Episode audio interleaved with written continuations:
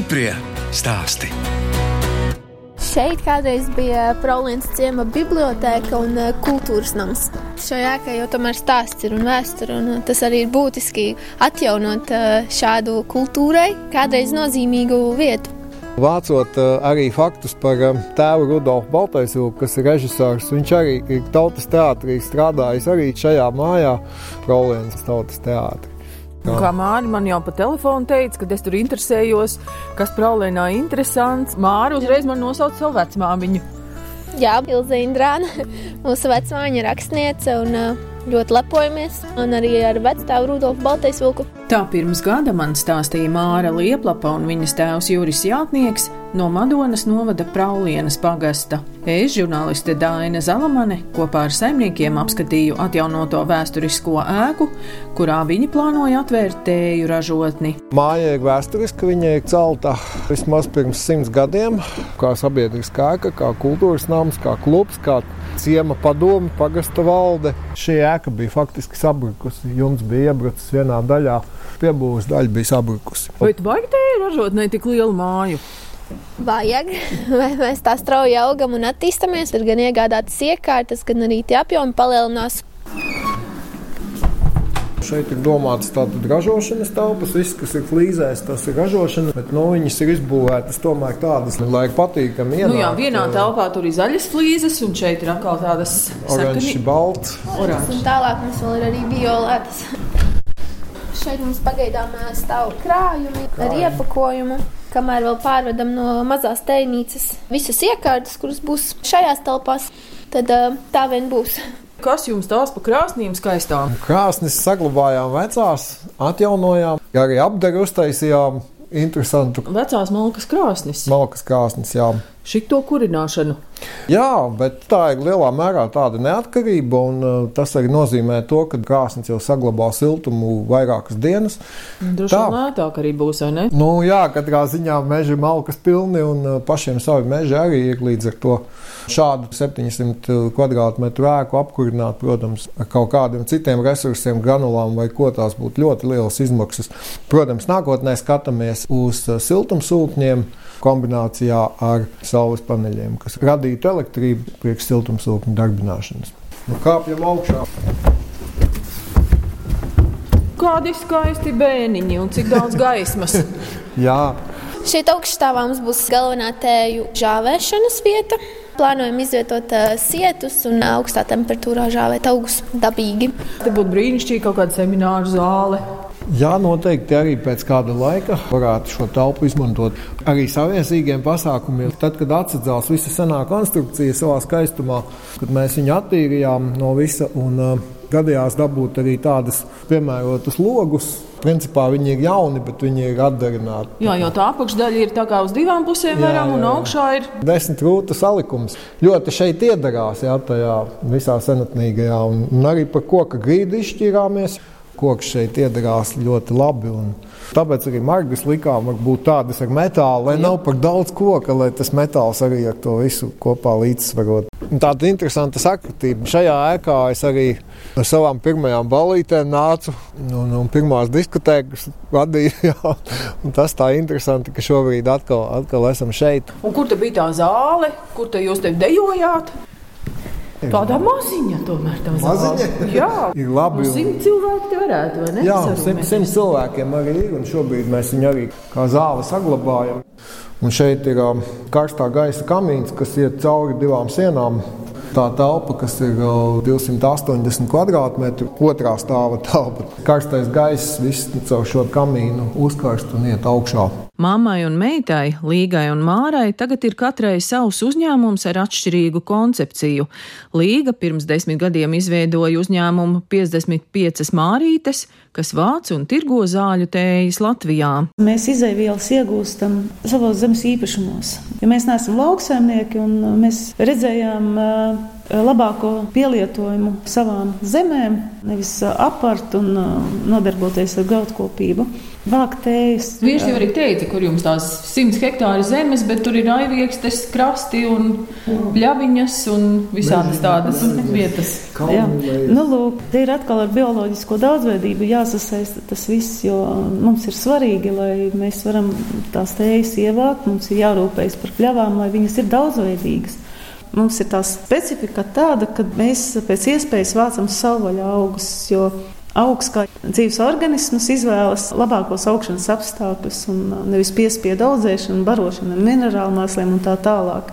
Pēc maniem uzskatiem šādi dabā augoši augi ir ar labāku enerģiju, ar sabalansētāku sastāvu ķīmisko. Tēju ražotnē uz banera attēlots Māras Lieplapas uzņēmuma nosaukums un zīmols plūkt. Māra banku augstskolā mācījās inovācijas un produktu attīstību, un savas zināšanas tagad liek lietā, tirgojot tējas maisiņos, kas safasētas skaistās metāla kārbās. Sākām ar eksporta tirgu, līdz ar to mums arī iepakojums produkti pamatā ir angļu valodā. Vārds plūkt angliski. Nozīmē tieši to pašu plūkt, ievākt, bet uh, izrunā plakt. Un arī uh, zviedru valodā līdzīgi, un uh, principā daudzās valodās tas rezonē kā plūkta, kas mums bija arī ļoti svarīga, lai uzreiz rodas tā asociācija ar tējām, ar augiem. Un šeit ir Māra, tie jūsu produkti, kas jau jā, ir izstrādāti, ir jūsu vadībā. Ja? Jā, tie ir plūkta produkti. Tās mums ir tējas izlases. Un tāds jaunums, inovatīvs mums ir uh, Nordic Black tēja, kas ir uh, ziemeļu melnā tēja, jeb fermentēta ugunspuķa. Mēs izvēlējāmies šādu konceptu, lai mēs varam būt pēc iespējas vairāk tādos tirgus segmentos ar melno tēju un zaļo tēju. Un, uh, tas īpašais ir, ka šīs tējas ir piramīdas maisiņos, kuri sadalās vidē. Šie konkrētie mums ir no kukurūzas šķiedras, ir kompostējami. Tas ir materiāls pirms apstrādes. Tad mēs to ievietojam iekārtā, un iekārtā ar ultraskaņas palīdzību tie tiek sakausēti. Līdz ar to mums ir arī tā ražošanas kapacitāte, un mēs varam strādāt ar uh, lielākiem izplatītājiem. Un tādu kukurūzu šķiedru, kur jūs ņemat? Tur mums ir um, sadarbības līgums ar piegādātāju. Jā, ārzemēs. ārzemēs. Nosmaržoja, cik skaisti. Jā, tur mums sastāvā ir arī piparmētra un uh, jasmīns. Kopumā mums šajā ziemeļu plūktu līnijā ir četri produkti. Ir divi tēju maisījumi. Viens no tiem mums ir ziedu maisījums, kur ir um, astoņi dažādi ziedi. Ļoti krāsains. Līdz ar to tas ir gan tāds garšas, gan vizuāls baudījums. Bet tie arī visi maisiņos. Ja? Arī visi maisiņos, jā. Tad mums ir arī vienkārši ugunspuķa, kā zaļās tējas alternatīva, vieglāka. Un tad ir arī vēl viens maisījums, vairāk tāds ziemas, kas saucās uh, Baltā nakts. Un tur ir patiešām visaromātiskākie tādi meža augi. Avene ir aspodiņš, ļoti mentoliska piparmētra, jasmīns, upenes. Un te vienkārši ir papīra iesaiņojumā. Jā, jā. kartona paciņās mums ir paši pirmie produkti, kas plūktam radās pirms diviem gadiem. Bet tā ir beramatēja. Tā ir beramatēja, kā tas ir ierasts. Mums šobrīd ir 12 valstīs, 15 veikalos iegādājumi produkti. Ar to mēs arī sākām, un Latvijā īstenībā tikai no pagājušā gada septembra ir iespējams iegādāties. Smagākais ir tas mārketings, jo saražot var visi tējas. Svarīgi ir pārdot. Tad jūs droši vien vēl vairāk novērtējat to, ko Māra ir ienesusi jūsu biznesā. Ļoti, kas ļoti novērtē viņas zināšanas, viņas apņēmību, drosmi. Jaunam cilvēkam tik mērķtiecīgi, tik pārliecinoši un kvalitatīvi strādāt. Mārketinga pārdošanas daļa tas ir vairāk par ko es atbildu. Un, no, no mammas ir uh, zināšanas un visa tā praktiskā puse par augiem. Vēlētos, lai plūkt ir um, tāds numur viens Ziemeļ-Eiropas uh, zīmols augutējās, jo līdz šim uh, populāri kļūst vairāk zīmoli, kur izplata melnās un um, zaļās tējas. Jeb tējas, kuras ir pagatavotas no Āzijas tējas auga. Bet uh, mēs vēlētos būt tie galvenie, kuri pārstāv um, vairāk vietējo augu nišu, bet tādā ekskluzīvākā un uh, pievilcīgākā, mūsdienīgākā versijā. Tēju audzētāji Latvijā ir daudz, bet cik no tiem spēj veidot eksportspējīgus produktus un tos pārdot 12 valstīs? Daudz tādu nav, tāpēc zvanu Mārai Lieplapai, lai uzzinātu, kā uzņēmumam klājas šobrīd.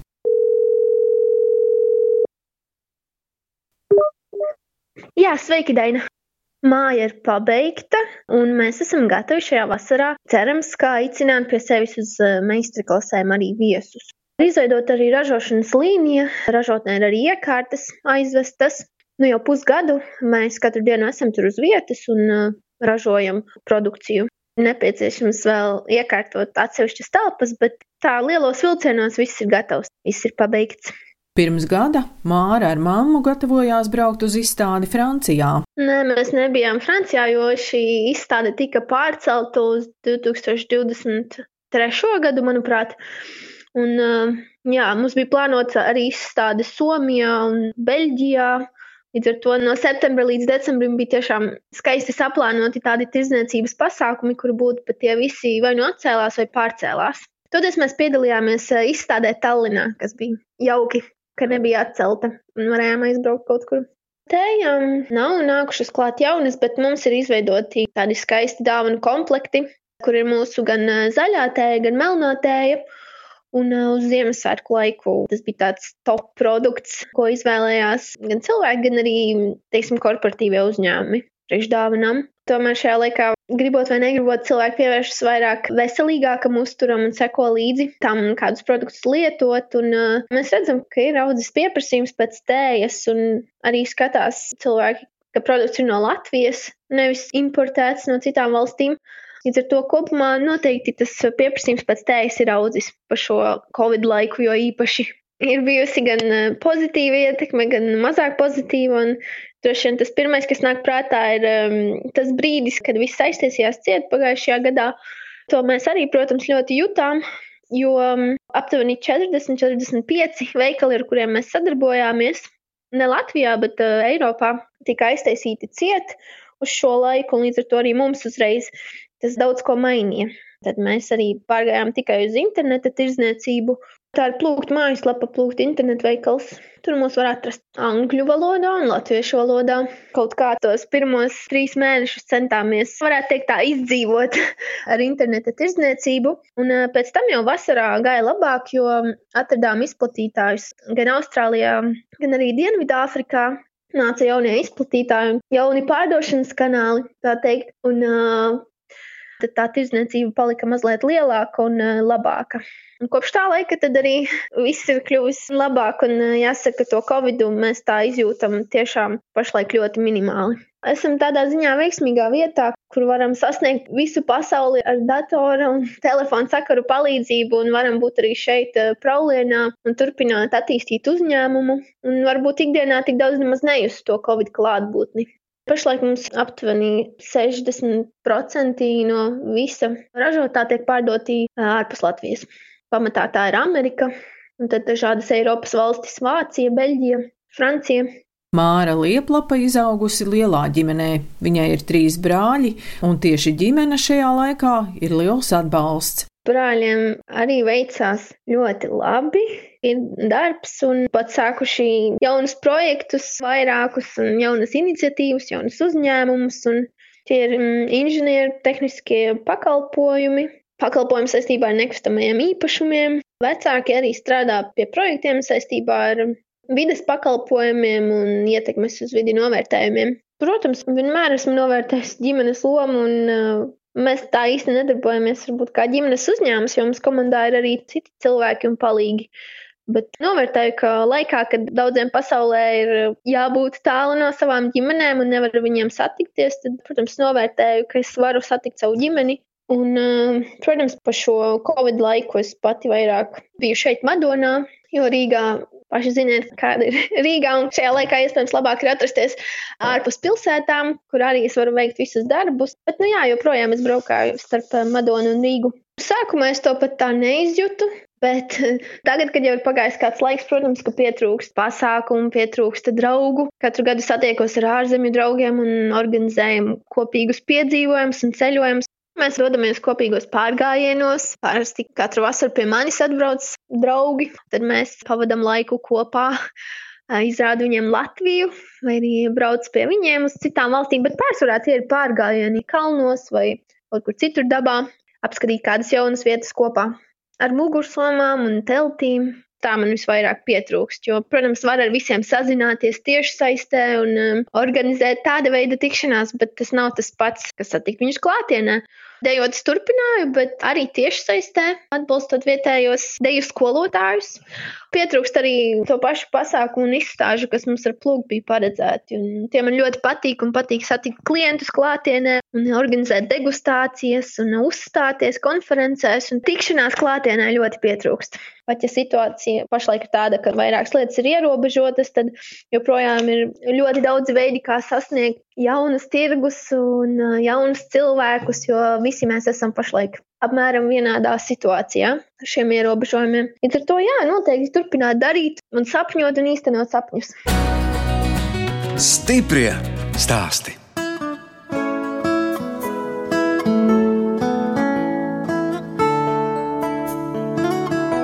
Jūs klausāties raidījumu stipri stāstī.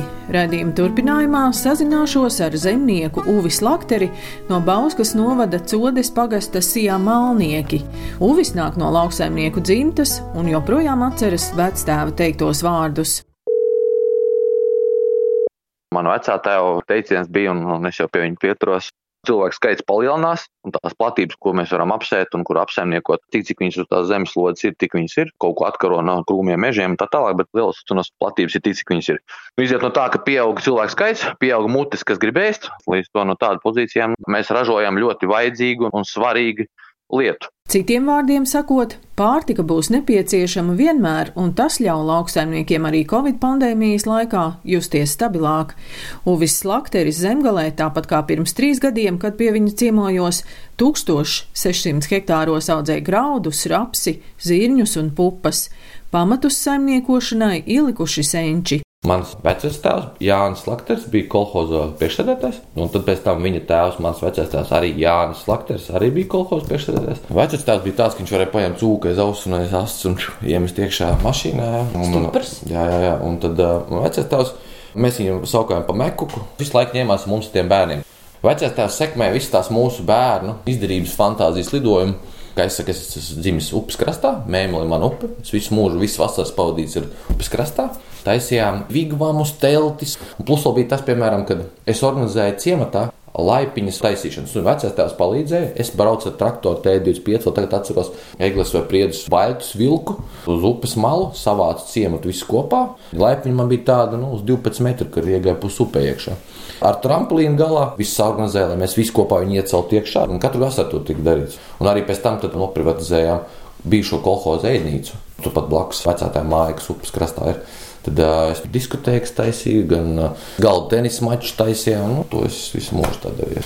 Mēs jau tajā laikā tirgojām gurķiem, ņēmāmies un kāpostiem un tulpēm. Un visu laiku bija tā piesaistīta pie tās lauksaimniecības, jo arī vecais tēvs pēc profesijas ir dārznieks. 91. gadā mums bija 4 hektāri. Mans tēvs ņēma kredītu, man vecāmā draudāja, kad tēvs ieķīlēja visu māju, kad ņēmām kombinam kredītu 100 tūkstošu rubļu. Viņš riskēja, gāja uz banku. Un bija laiki, kad mēs grauzām sausiņus, lai varētu dot bankai tos kredītus. Mēs riskējām, noc, kāpēc mēs paplašinājāmies. Man nepatīk šie populistiskie stāsti par to, ka mēs jums dosim atbalstu un jūs desmit hektāriem varēsiet dzīvot. Nu, nevarat desmit hektāriem ne to ģimeni, ne bērnu izaudzēt. Ne arī ar 20, nu, ne ar 30. Nu, nevar. Mēs šobrīd graudus tirgojam, mēs skatāmies biržā, kāda cena, kāda pasaules biržā, un pēc tās tirgojam. Bet tā cena taču arī tomēr svārstās. Šausmīgs vārds. Un tad ir pārdzīvojumi. Ak, ka nepārdeva divas dienas ātrāk vai divas nedēļas. kā mans tēvs laikam saka, to brīdi, kad ir augstākā cena, apzināties tikai tad, kad tas brīdis ir pagājis. Lai tu varētu konkurēt pašā pasaulē, patiesībā es teiktu tā, ka arī tas mans pusotrs tūkstotis nav daudz. Vajadzētu vairāk, lai es kļūtu ekonomiskāks, efektīvāks. Es nedomāju, ka graudkopībā tagad nu atnāks cilvēks no nulles. Ja vien viņiem nav kaut kāda investora nauda aizmugurē, lai viņš to varētu sākt darīt. Cik jums ir darbinieki sezonas laikā? 15. To brīdi, kad tu ņem klāt, piemēram, akmeņus lasīt vai kaut ko tamlīdzīgu. Daudz kas ņemās ar tiem dārziem, siltumnīcām tā tālāk. Tur nav vajadzīgi tik liels zemes platības. Tur es domāju, ka cilvēki var iet un darīties, nav problēma. Problēma, ko es saskatu, pašlaik ir ar to darba spēku, un es cenšos ar pēc iespējas vairāk, viss, kas man ir, censties mehanizēt. Tur cilvēks to nāks un gribēs darīt, un kļūst ar vien mazāk. Ir jādomā par tām tehnoloģijām, lai to varētu kaut kādā veidā kompensēt. Uvi, jūs esat vadītājs, jūs sadalāt darbus. Pilnīgi visus esmu. Izņemot grāmatu. Es arī esmu cilvēks orķestris. Viņš dara pilnīgi visu. Vecais tēvs teica tā, ka viņam paveicies, jo viņš mīlēja zemi, mīlēja lauksaimniecību, un viņa dēls saimniecību uztaisīja zējas mālnieku, kur tagad ir sijā mālnieku. Viņam paveicies, ka viņa dēls turpina to, ko viņš bija aizsācis. Un man dēls tagad saka to pašu. Viņam ir nenormāli paveicies, jo viņš nodarbojas lauksaimniecību, ko paņēmis dēls, viņa gadījumā es. Un kā jūs dēliem, kādam arī patiks lauksaimniecība? To mēs vēl īsti nezinām.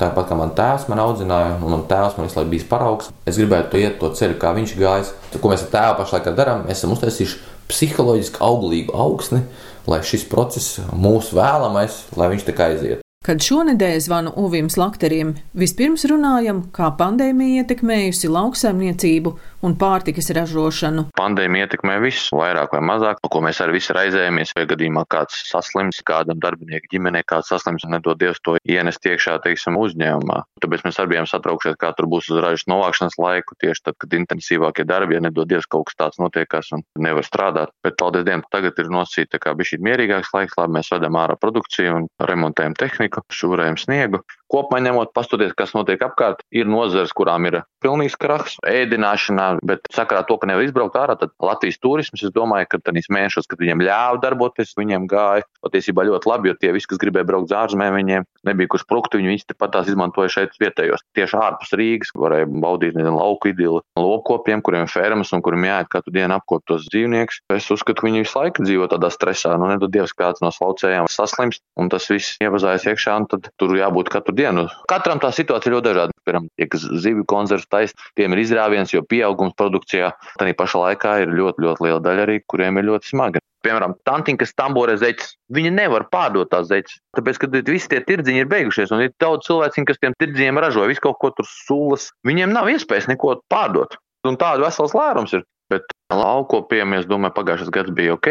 Viss atkarīgs bija no tā, cik veiksmīgi trāpīja tās cenas, fiksācijas pa graudiem. Mēs teiksim, tās cenas tik labi netrāpīja. Protams, arī manā gadījumā bija tas, ka man vēl trāpīja arī krusta ar diezgan lieliem postījumiem. Man bija apdrošināta lauka, ja nebūtu apdrošināts, tad būtu ļoti liela zaudējuma. Man bija kaut kur pār 250 hektāru pirmā krusta un, un, un otra krusta arī trāpīja. Un manu saimniecības skāra tas sausums, ka piekritīs arī pārējie, nu, vismaz manā pusē esošie zemnieki, kad rapsim bija ļoti smalks sēkliņš, parasti tā kā lielāks, bet šoreiz viņi bija smalks. Es to norakstu uz sausuma ietekmi. Protams, pavasarī vēl izskatās sniegs un bija salas. Maijā kaut kā 2 cm, laikam 3 sniegs. Tieši rapsi dziedēšanas laikā. Tas varbūt ir atstājis, bet no jebkurām paražām bija tā, ka rapsim pie četrām tonnām man sanāca. Kviešiem man sanāca, jau vidē raža bija virs septiņām tonnām, bet uh, pilnīgi noteikti potenciāls kāds izskatījās pavasarī, ka nebija nevienas gandrīz izslīkušās vietas, ne rapsim, ne kviešiem sezonas beigās neattaisnojās dēļ tā, ka mums bija pārāk ilgu brīdi tas lielais sausums. Ja viņš nebūtu bijis, es domāju, būtu bijis daudz labāk, bet atkal, kā jau teicu, pie tām ražām šobrīd baigi raudāt nevarētu. Saražojam gan mēs sev spējam, ka arī mēs diezgan lielu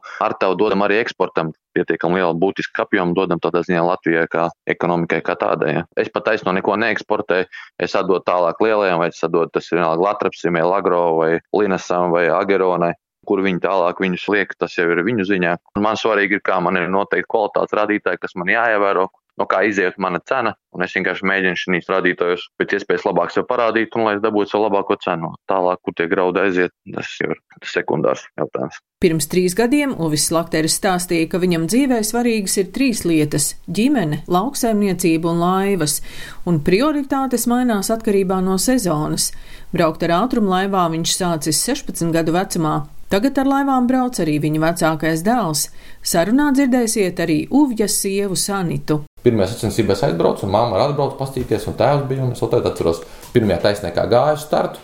Tā nāve silpa pretim skatītājiem 100 km/h un izlido ārā. Māma kopš tās reizes nebrauca sacensībām. Izstāstiet, ko vispār nozīmē tas F2? Kas tā ir pa klasi? Tā laikā tas nebija F2, tā bija mazā klasīte. Tas bija S550. Formulā 2 braucu no 2002. gada. Formula 1 un Formula 2 atšķirās to, ka laivas vizuāli un nespeciālisti neatšķiras nekāda atšķirība. Viņi principā vienāds ir. Vienīgā atšķirība tas, ka mums ir 220 zirgu motors, un viņiem ir 350. Formula 2 nozīmē to, ka ātrums līdz 200 km/h, bremžu nav, pagriezies atpakaļ pa 180 grādiem un nāc atpakaļ ar 200 km/h. Nu, tas nozīmē, tas nozīmē tā, ka pagriezienā tev nostājās smadzenes blakus. Uvja lielākais panākums līdz šim bija 2016. gadā iegūtais Eiropas čempiona tituls. Pasaulē viņš ierindojies no 2. līdz 4. vietai, bet Uvja 14-gadīgais dēls Nils jau kļuvis gan par Eiropas, gan pasaules čempionu. Ir divas laivas uz visu to baru, un tu izlīdz bojas tā kā čūskiņā tādā, ka viņi cīnās nu, ne tikai viens par to, tad arī pāriniekā, ka jūs reizē braucat divas laivas laižu, bet arī principā cīņa ir par pulksteni. Tādā ziņā, ka tev ņem laiku. Un tas viss bars izbrauc, kurš var ātrāk izbraukt to čūskiņu, nepieskaroties klāt, jo uz katras bojas sēž tiesnesis un skatās. Ja tu pieskaries bojai klāt, tev ir papildus laiks. Un ir ļoti spēcīga Krievija, kā Krievija visos sporta veidos, kā mēs ļoti labi zinām. Mm. Viņiem ir programma, atlases ar nometnēm, un nu, tur ļoti nopietni cilvēki darbojas. Ir Vācijas, Portugāles, nu, ļoti daudz tās valstis, kas piedalās. Pagājušajā gadā Formula Future komanda bāzējās šeit Bauskā, vietējie bērni, bet pagājušajā gadā jau bija tā, ka bija atlase gan Liepājā, gan Jālgavā, kur šīs komandas ir. Katrā klasē no valsts var pārstāvēt tikai divi Pagājušajā gadā atlasē Nils palika ar kaut kādas sekundes simtaļu trešais. Nozīmē, ka viņš izlasē netika, bet viņš netika, jo divas dienas iepriekš viņam bija posms, nu, laivās, jā, kur... kur viņš avarēja. Tā kā smadzenes satricinājums, mēs viņu ātriem vēl vedām uz to bērnu klīnisko slimnīcu, un tur mēs vēl pagulējām. Un, un viņam tas... sanāca izlaist treniņus. Un tā kā tas ir pa sekundes simtdaļām, nu viņš palika trešais. Bet tā kā Lietuvā šīs Formula Future netiek pārstāvēta, mēs sarunājam tā, ka viņš vienkārši pārstāvē Lietuvu, un viņš arī iedos šīm sacensībām, kā lai tos pārstāvis uz šo pasaules čempionātu. Un viņam tas bija spīts un motivācija. Un... Pierādīt to, ka man bija jābūt Latvijas izlasē. Un viņš nominēja Un tur skanēja Lietuvas himna. Un nekāds gan jau pienāks diena, kas skanēs Latvijas himna. Nu jā, bet tādā ziņā emocionāls brīdis, kā jau dzīvē, bet tas ir ļoti labs rūda raksturu. Pandēmija ietekmējusi arī ātrumlaivu sacensības. Latvijas čempionātam sākās jūlijā, Alūksnē, manā mīļākajā vietā Latvijā. Arī starptautiskajā arēnā bija sacensības, bet sakarā pandēmija kaut kas atcēlās, kaut kas mainījās, pārcēlās un tā tālāk. Es pats piedalījos ar Formuli 2 pasaules čempionātu pirmajā posmā, kas novirsinājās Kaunijā dabūju trešo vietu.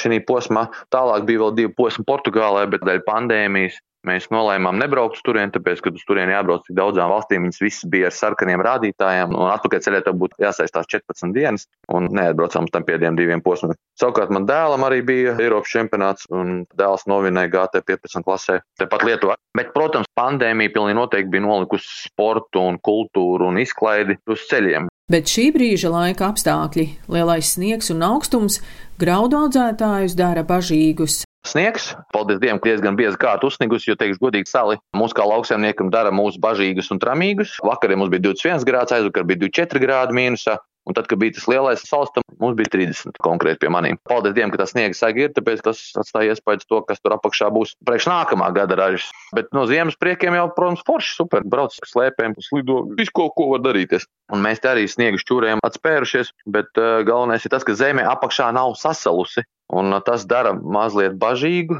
tāpēc, ka, ja tas viss baigi ilgi ir, šis pasākums, tad teorētiski pastāv liels risks, kad var aiziet bojā tie augi. Bet cerēsim, ka tā nebūs. Es jau domāju, kā nu, tas jau viss atkarīgs no tevis paša. Tu gribi nesēdēt mājās, manā gadījumā, ko es dzīvoju 200 metrus no stadiona, neizskrien pa stadionu vai, teiksim, atbraukt pat uz tuvējo vecālu silu, kur mums šobrīd ir trasi, iekārtota distanču slēpošanas. Cilvēki visi ir nosēdējušies mājās un visi grib kaut kur doties un kaut ko darīt un aizbraukt uz vecālu silu, piemēram, paslēpot. Satiec ļoti daudz cilvēkus ar suņiem, ar, ar bērniem. Tāpēc kaut kāda aktivitāte jābūt un lai kaut ko darītu. Uvja sieva Sanita palīdz jaunākajam dēlam attālinātajās mācībās. Tagad jau kā neviens skolu neiet, visi sēž mājās pie datoriem. 11 gadi ir mazajam puikam. Lielais jau pats tiek galā un tā, bet mazajam tāpatās jāpieskat ir, lai tur viss notiektos. Bet es domāju, ka visi jau ir pieraduši. Sākums bija tāds pasmagāks, kamēr pierad pie jaunās kārtības, kamēr viss tehnoloģijas saslēgt visu, lai viss ietu, viss darbotos.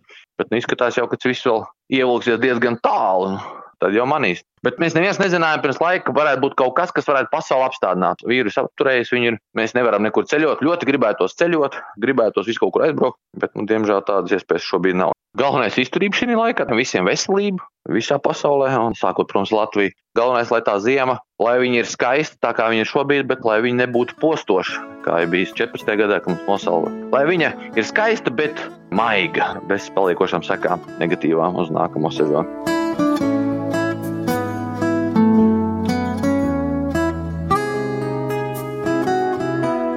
Redījums stipri stāsti izskan. Šoreiz sazinājāmies ar graudu audzētāju no Zemgales, Bauskas novada Codes pagasta siemalnieku īpašnieku Uvis Lakteri, kura vaļasprieks ir ātrumlaivas, bet Māra Lietlapa Madonas novada Praulienas pagastā kopā ar ģimeni izveidojusi tēju ražošanas uzņēmumu un ar zīmolu plūkt eksportē tēju uz 12 valstīm.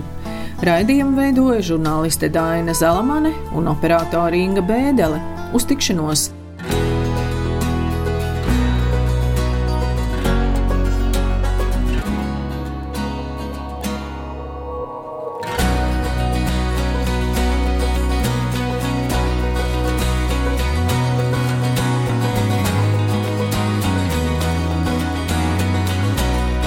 Stiprie stāsti.